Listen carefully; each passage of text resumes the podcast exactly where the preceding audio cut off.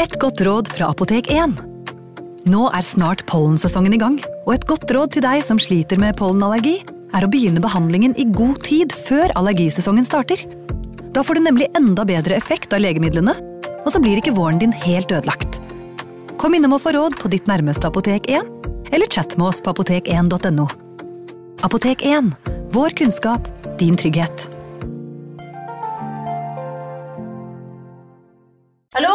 Jeg kommer fra Oslo politikammer. Ine Jansen er purk. Er du purk? The motherfucking bitch. Alt jeg vil, er å finne ut hva som skjedde med mannen min. Jon Carew. Er jeg sikta for noe? Iben Akeli. Det er du. Ole So, Lars Berrum og Big Daddy Karsten. Hvem sin side er du på, egentlig? Anette Hoff, Tone Danielsen, Kommer du fra Afrika? Jørnis Josef, Nesten kløfta. Trond Espen Seim, Det er synd å si det, men det var feil mann som døde. Purk. Premiere tirsdag på TV2 Play. Ungsamtalen fra DNB er økonomisk veiledning tilpasset deg som er ung. Bokk en ungsamtale på dnb.no. slash ung. Det er kjempebra hvis du skal inn på boligmarkedet, hvis det er drømmen din, liksom. Det er det du skulle sagt. Og så kunne du ropt litt mer, da, sånn som jeg gjorde. Bam! Advarsel. Historiene vi forteller i denne podkasten kan være fiktive og avvike fra den opprinnelige historien av dramaturgiske årsaker. Meninger og påstander i historiene reflekterer nødvendigvis ikke programledernes meninger eller virkeligheten.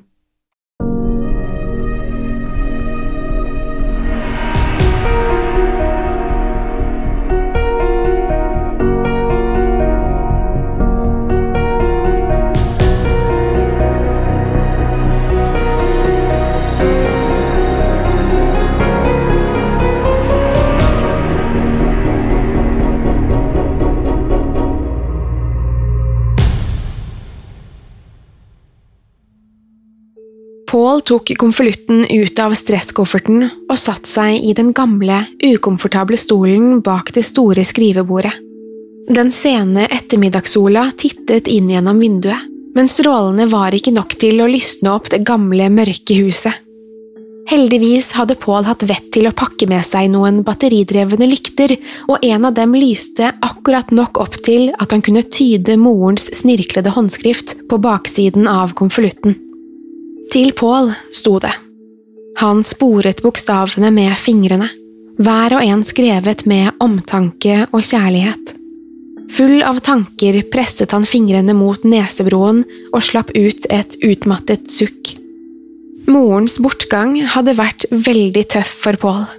Hun hadde vært en snill, smart og omtenksom kvinne som gikk bort altfor tidlig.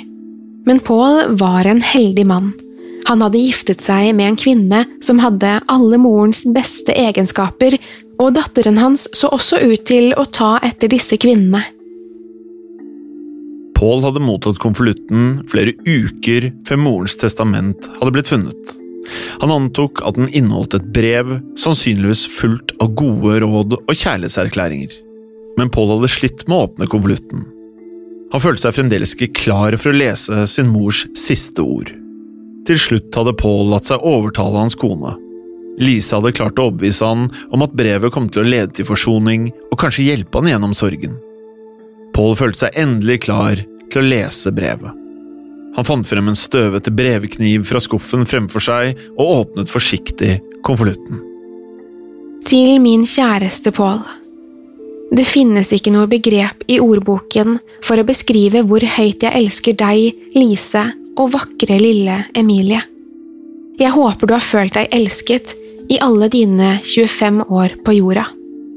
Helsen min svikter kanskje, men vit at jeg alltid vil være med deg. Jeg er fryktelig lei meg for det jeg er i ferd med å avsløre for deg. Jeg er redd det ikke finnes nok tilgivelse på denne jord for å tilgi det jeg har gjort. Dersom du leser dette, betyr det at mitt testamente har blitt utløst. Du er sikkert overrasket over å finne ut at du eier et lite gårdsbruk i Garv like ved Mjøsa. Det er veldig viktig at du tar det jeg nå skriver, alvorlig. Paul, du må aldri dra til dette huset. Legg skjøtet til gården tilbake i safen din og før det opp som en eiendel. Når du har gjort det, må du glemme at det eksisterer. Jeg forstår at du kanskje er nysgjerrig på å se din mors barndomshjem, men vær så snill, ikke besøk denne gården. Jeg skal fortelle deg hvorfor du ikke skal dra til huset, Pål. Det kan hende du ikke respekterer meg like mye etterpå, men det er av den største viktighet at du forstår situasjonens tyngde. Foreldrene mine og jeg flyttet fra huset da jeg var 14–15 år. Da jeg var noen år yngre enn du er nå, ble jeg tilbudt en lærerjobb i en bygd ikke så langt fra gården. Som du vet, døde begge foreldrene mine like etter at vi flyttet til Larvik, og de etterlot huset til meg i deres testamente. Men de fortalte meg aldri om det jeg nå skal fortelle deg, min kjære, stakkars Pål. Jeg flyttet inn i huset tidlig på sommeren. Bygda hadde ikke forandret seg stort siden sist jeg så den. Den lå fremdeles bortgjemt midt i en av de få gjenværende skogområdene langs Mjøsa. Innbyggerne holdt seg stort sett for seg selv. Ingen ville hilse, men jeg merket at de gjenkjente meg, og de husket utvilsomt hendelsen som fikk familien min til å dra. Da jeg dro i butikken, stirret damen bak disken på meg. Hun så meg inn i øynene og sa rett ut at jeg ikke burde ha kommet tilbake. Hun antydet at jeg bare burde dra igjen så fort som overhodet mulig. Det var åpenbart at hun ikke ville se meg igjen, verken i butikken eller i bygda. Hun grep armen min for å understreke hvor viktig dette var. Jeg så ned på hånden hennes og la merke til et svært arr som fortsatte oppover armen hennes. Jeg må innrømme at denne hendelsen skremte meg litt, men jeg var nok ikke klok nok til å ta imot rådet hennes. For hele bygda var litt snodig, og jeg tenkte at jeg fremdeles ble straffet for det som hadde hendt da jeg var tenåring. Huset hadde stått tomt i ti år, og jeg brukte hele den første dagen på å fjerne et lag med støv som hadde samlet seg inne i huset. Da natten senket seg, var jeg helt utslitt. Det føltes merkelig å skulle sove i mine foreldres gamle seng, så jeg la meg heller på mitt gamle barnerom i første etasje. Soverommet mitt var bitte lite. Sengen gikk fra den ene enden av rommet til den andre, og dekket delvis det lave vinduet mot hagen. Langs den andre siden av veggen sto et klesskap og et speil. Jeg husker at jeg nærmest sovnet før jeg traff sengen den kvelden. Kroppen min verket etter å ha flyttet rundt på esker og vasket hele dagen. Jeg husker ikke hva som vekket meg den natten, men da jeg våknet, ble jeg overveldet av følelsen av å ikke være alene. Månelys rant gjennom vinduet og kastet merkelige skygger i rommet, men etter å ha sett meg kjapt rundt, så jeg at det ikke var noen andre i rommet enn meg. Men plutselig så jeg noe, i speilet, en refleksjon av vinduet. Stirrende inn i vinduet var et vesen som ikke burde eksistert, som ikke kan være fra denne verden. Det var nesten for fryktelig i sitt åsyn til å beskrives med ord. Du må vite, Pål, at dette er et ondt vesen. Selv i det bleke månelyset kunne du se de bekmørke øynene og den snerrende munnen full av skarpe hoggtenner. Skapningen så oppspilt ut, og ikke minst sulten. De grå hendene presset mot glasset. Hver eneste lange, krokete finger la igjen et slimete belegg mens den dro klørne nedover ruta. Ryggen min var vendt mot skikkelsen, og føttene mine var bare et par centimeter fra ansiktet. Alt som var imellom oss, var den tynne glassruten og i speilet kunne jeg se at den stirret på meg. Det føltes som at den ventet på at jeg skulle bevege meg. Jeg lå der helt stille, lammet av frykt. Dersom jeg ikke hadde våknet av meg selv, ville nok den skjærende lyden av negler mot vinduet ha vekket meg, men heldigvis hadde jeg klart å kvele det umiddelbare sjokket av å se uhyret. Det er umulig for meg å si om dette varte i minutter eller om det varte i timer, men etter en stund forsvant denne skapningen. Jeg skulle ønske at det bare hadde vært et mareritt, men dette var ikke første gang jeg så dette monsteret. Jeg beklager så mye, Pål.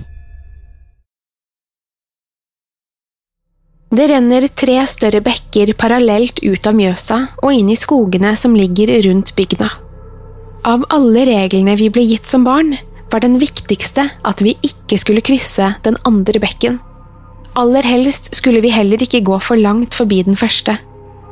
Foreldrene mine fortalte at det lå gamle grunnmurer, brønner og myrhull bak den andre bekken, Dette gjorde det visst farlig for oss barna å leke der, og en rekke barn skal ha forsvunnet da de gikk for langt inn i skogen.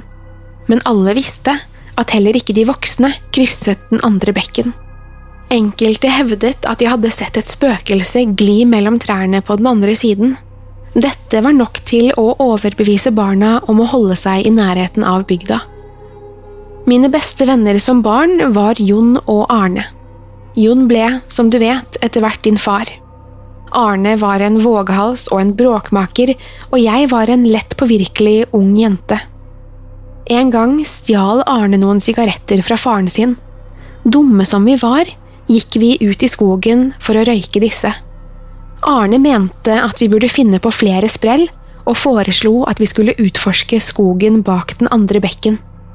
Jon og jeg var redde, for vi hadde i hele oppveksten fått det hamret inn at man aldri skulle krysse denne bekken, men Arne hadde en naturlig overtalelsesevne. Arne tente enda en sigarett og gikk baklengs over den gamle broen mens han så tilbake på oss.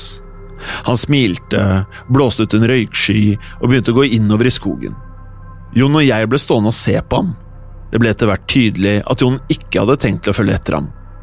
Jon ropte etter Arne og kastet en stein over bekken. Da han ikke fikk svar, snudde han seg og begynte å gå tilbake til bygda. Jeg fikk øye på Arne, og jeg ba ham om å bli med oss tilbake. Arne bare lo av meg og kalte oss for feiginger. Da så jeg den. Den grusomme skapningen lå der på en tykk gren i ett av trærne. Den gikk nesten i ett med omgivelsene, og jeg la ikke merke til den før den rørte seg. Skapningen var nå kun et par meter fra Arne og var klar til å angripe. Blikket var som en gribb som våket over sitt offer. Jeg hadde knapt nok rukket å skrike før skapningen slynget seg ut av treet og kastet seg over Arne. Jon kom løpende tilbake da han hørte skriket mitt. Ingen av oss ante hva vi skulle gjøre. Arne skrek og sloss desperat mot skapningen mens vi sto der fullstendig handlingslammede. De skjærende skrikene hans har aldri forlatt meg. Jeg plukket opp en stein, sprang over broen og slo skapningen i hodet så hardt jeg klarte. Monsteret reagerte knapt før det uanstrengt dyttet meg ut i vannet. Jon dro meg ut av bekken akkurat i tide til at jeg så skapningen forsvinne mellom trærne, og bak seg dro den Arnes livløse kropp. Jon og jeg gikk til den første bekken før vi stanset og ble sittende i stillhet. Vi var fremdeles i sjokk over hva vi akkurat hadde vært vitne til. Jeg vet ikke hvor lenge vi ble sittende, men det hadde blitt mørkt da vi kom oss hjem. Da hadde allerede en rekke foreldre fra bygda samlet seg hos dem, klare for å lete etter oss. Vi fortalte dem hva som hadde hendt. De virket nesten mer sjokkerte over at jeg og Arne hadde krysset bekken enn beskrivelsen av selve uhyret. Moren til Jon slapp ut et lettelsens sukk da hun hørte at Jon ikke hadde krysset broa, men foreldrene mine begynte umiddelbart å pakke sammen klær og viktige eiendeler. Samme kveld reiste vi fra bygda med pakkede kofferter. Vi kjørte rett til min tante Janne i Larvik. Vi stanset bare én gang, rett utenfor Oslo, for å spise. Seks måneder senere døde begge foreldrene mine. Det skjedde helt plutselig, av en underlig sykdom som legene aldri hadde sett maken til. Jeg var ung, i begynnelsen av tenårene, og forsto ingenting av hva som skjedde rundt meg. Alt var skurrete, og jeg klarte ikke å skille mellom minner og følelser. Alt bare gled over i hverandre. På et eller annet tidspunkt overbeviste jeg meg selv om at Arne hadde falt i elva og slått hodet mot en stein. Jeg fortalte meg selv at mine foreldres død bare var en merkelig tilfeldighet. Det var lettere å komme seg gjennom hverdagen på den måten. Men da jeg returnerte til huset, så jeg det forferdelige ansiktet i vinduet. Ansiktet til vesenet som nesten hadde tatt meg da jeg var et barn, og som hadde ventet på meg siden den gang. Jeg var lettet da skapningen forsvant, men jeg klarte ikke å sovne igjen. Frykten holdt meg våken resten av natten. Ved soloppgang morgenen etter banket det på ytterdøren. Jeg var fremdeles livredd, men valgte til slutt å åpne døren. Og utenfor døren sto Jon. Det som kanskje kunne vært en nostalgisk gjenforening, ble preget av hans umiddelbare behov for å fortelle meg noe. Og allerede før han hadde satt seg ved kjøkkenbordet, visste jeg veldig godt hva han ville snakke om. Men jeg var likevel ikke forberedt på hva han kom til å fortelle meg. Du skal få slippe alle detaljene, men jeg skal fortelle deg det viktigste. Det du absolutt må vite. Jon fortalte meg at vesenet alltid har bodd i skogen. Det eksisterte selv før de første bosetterne ankom området. Det er ingen som visste hvor den kom fra, bare at den gjennom årene har drept mange barn fra bygda. Gjennom historien har noen gjort forsøk på å stanse skapningen, men ingen har noensinne klart å drepe den. Vesenet var mer enn bare et blodtørstig monster. Monsteret er nemlig svært intelligent og planlegger ofte angrepene sine nøye. Den vet at dersom folk forlater bygda, vil den sulte i hjel. Samtidig er folk overbevist om at skapningen vil fulgt etter, skulle de flytte vekk. Derfor inngikk noen en slags avtale med dette monsteret. Detaljene i denne avtalen var enkle. Alt som beveget seg over den andre og tredje bekken, skulle tilhøre monsteret. Til gjengjeld skulle ikke monsteret skade de som holdt seg på riktig side. Jon fortalte meg at jeg fremdeles tilhørte vesenet fordi jeg hadde krysset bekken da vesenet tok Arne. Foreldrene mine hadde dødd fordi de ikke hadde overholdt avtalen. Jeg vet at alt dette er vanskelig å tro på, Paul, men det hviler altså en forferdelig forbannelse over meg. Det tok ikke lang tid før jeg bestemte meg for å forlate Garv igjen. Jon visste ikke hva som holdt vesenet bundet til området, men han mente at det bare holdt seg til Garv og en av de andre bygdene ved Mjøsa. Han hadde gjort flere undersøkelser og fant fortellinger om lignende vesener over hele verden.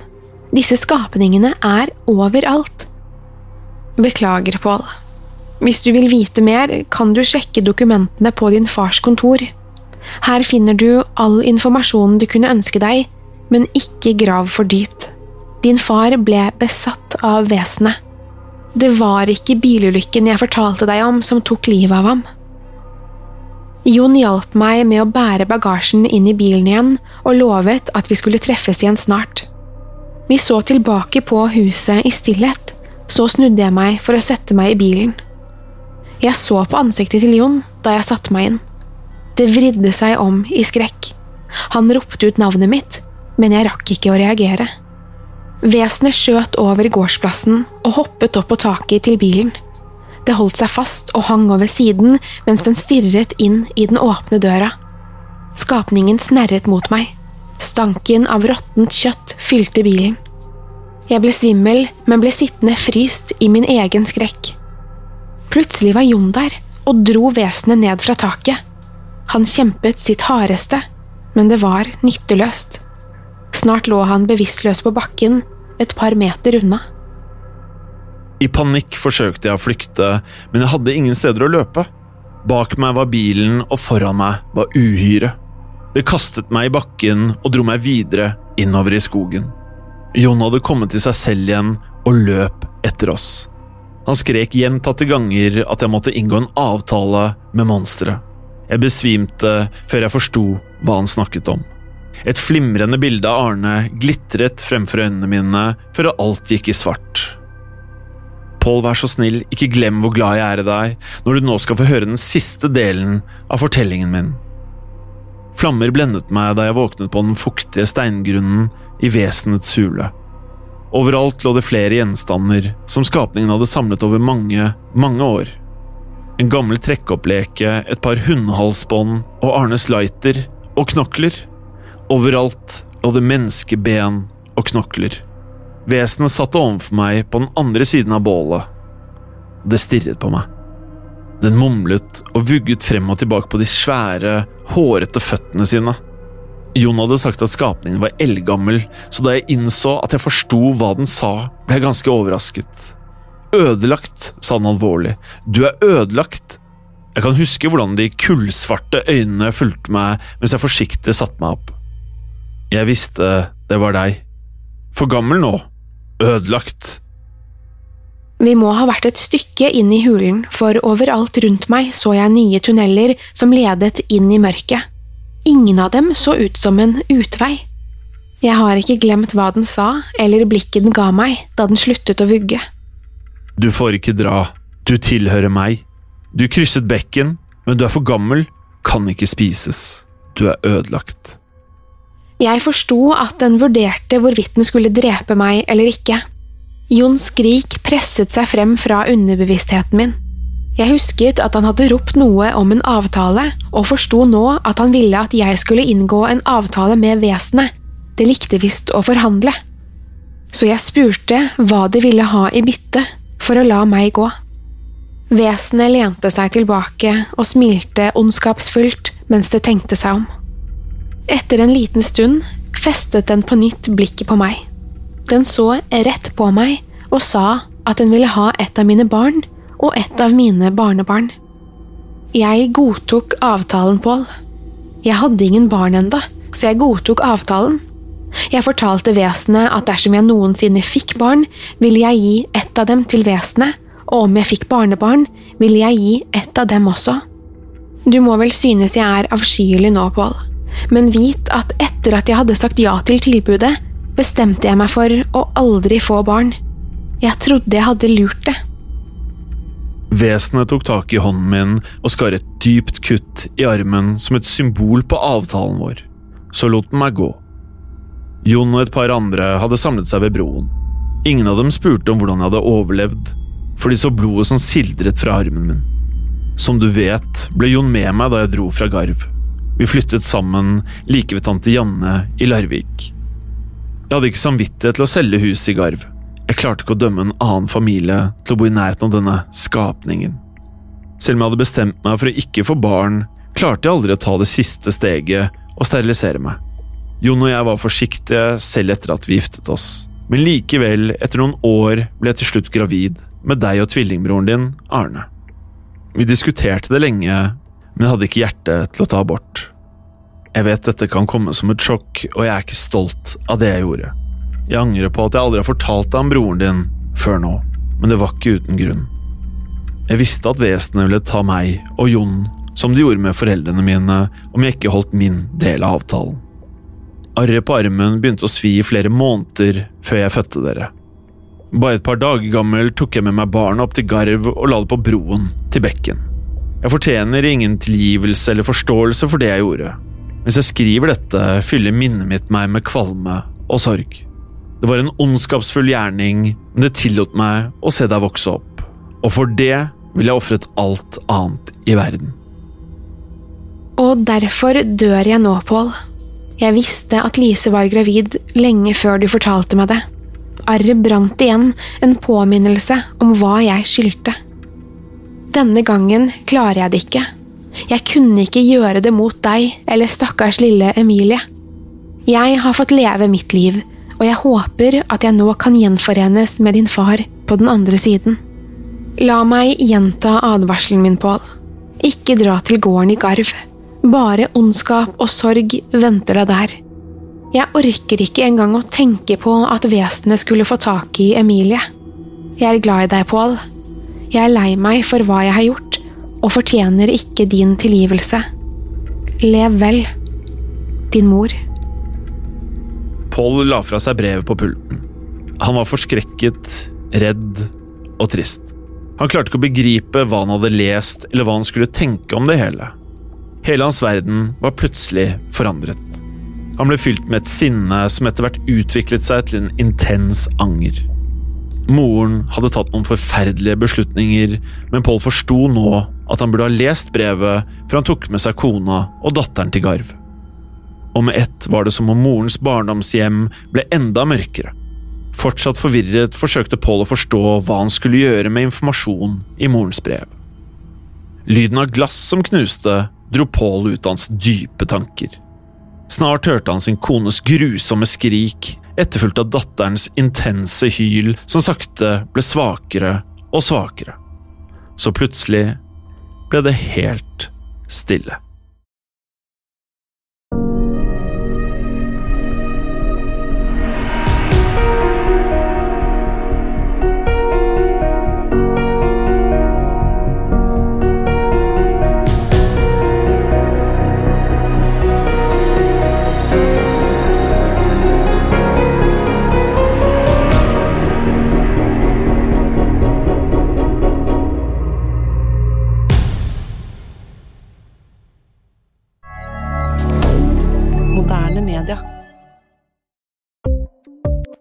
Ukens annonsør er Folio, en smartere banktjeneste for deg som har en egen bedrift eller ønsker å starte for deg selv. Folio er en superenkel nettbank for bedrifter. Som kunde i Folio får du en bedriftskonto med et bedriftskort og app. I denne appen er det smarte løsninger som forenkler regnskapet ditt, uansett om du har en liten bedrift eller et enkeltpersonsforetak. Folio er både intuitivt og brukervennlig, og er laget med et enkelt språk. I tillegg tilbyr de forutsigbare priser og ingen skjulte gebyrer. Skulle du likevel trenge det, så kan du snakke med deres raske og hyggelige kundeservice, og der får du prate med en faktisk person og ikke en chatbot. Folio er med andre ord både enklere og koseligere enn banken. Over 10 000 bedrifter har allerede valgt Folio som sin banktjeneste, så besøk folio.no og se hvordan Folio kan forenkle din hverdag også. Har du et enkeltpersonforetak eller en liten bedrift? Da er du sikkert lei av å høre meg snakke om hvor enkelt det er med kvitteringer og bilag i fiken, så vi eh, gir oss her, vi. Fordi vi liker enkelt. Fiken superenkelt regnskap. Kiwi er billigst i VGs matbørs og har vært billigst i fire av de fem siste VGs matbørser. Og nå presser vi prisene på frukt og grønnsaker. På 200 gram broccolini setter vi prisen til 24,90. På 400 gram Cevita blåbær setter vi prisen til 49,90.